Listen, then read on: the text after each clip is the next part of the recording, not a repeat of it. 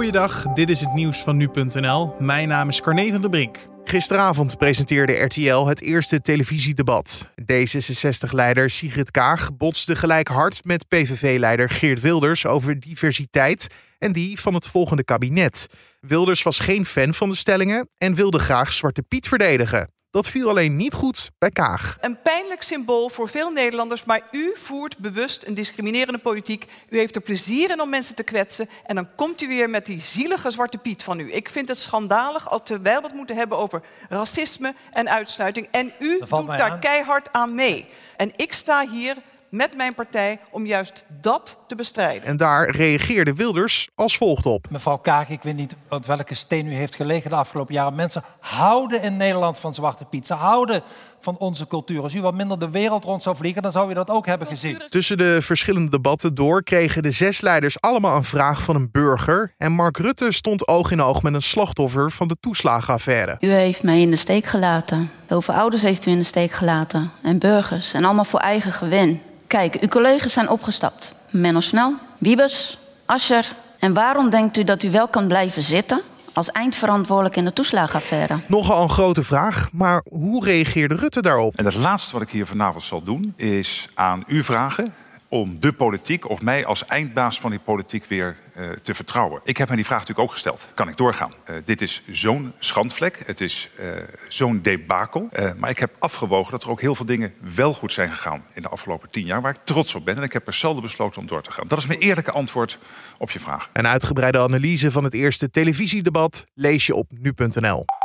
Oud-president Donald Trump heeft zondag zijn eerste publieke optreden gemaakt sinds zijn vertrek uit het Witte Huis.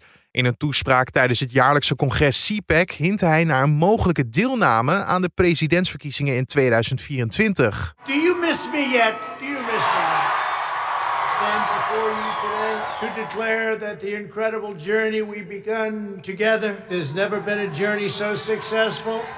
We began it together four years ago and it is far from being over.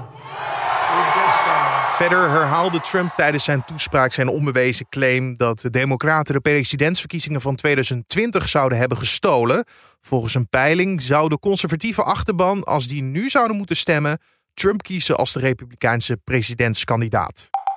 Ajax gaat aangifte doen voor poging tot mishandeling, omdat spelers van de Amsterdamse club zondag na de topper tegen PSV zijn belaagd. Op weg naar de spelersbus moest er beveiliging aan te pas komen om de Ajaxide te beschermen.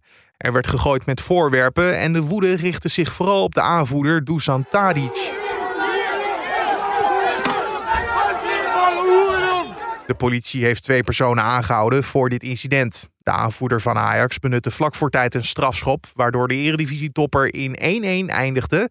Rond de penalty en na het laatste fluitsignaal ruziede hij met PSV-captain Denzel Dumfries. Slachtoffers van seksueel misbruik krijgen een vergoeding van het leger der Zeils. Het leger heeft dit opgezet nadat zes slachtoffers van seksueel misbruik zich bij de organisatie hebben gemeld. Trouwens schrijft hij vandaag over dat eerder ook al publiceerde over misbruik in de jaren 80 door personen bij het leger Zeils op hoge posities. Op hun website kunnen slachtoffers vanaf vandaag een verzoek tot compensatie indienen. Voorwaarde is dat hun zaak verjaard is en niet meer voor de rechter gebracht kan worden. De vergoeding bedraagt maximaal 50.000 euro en de regeling staat de komende vier jaar open. Er komt verder nog een onafhankelijk onderzoek naar misbruik binnen het leger des Hels. En tot zover de nieuwsupdate van nu.nl.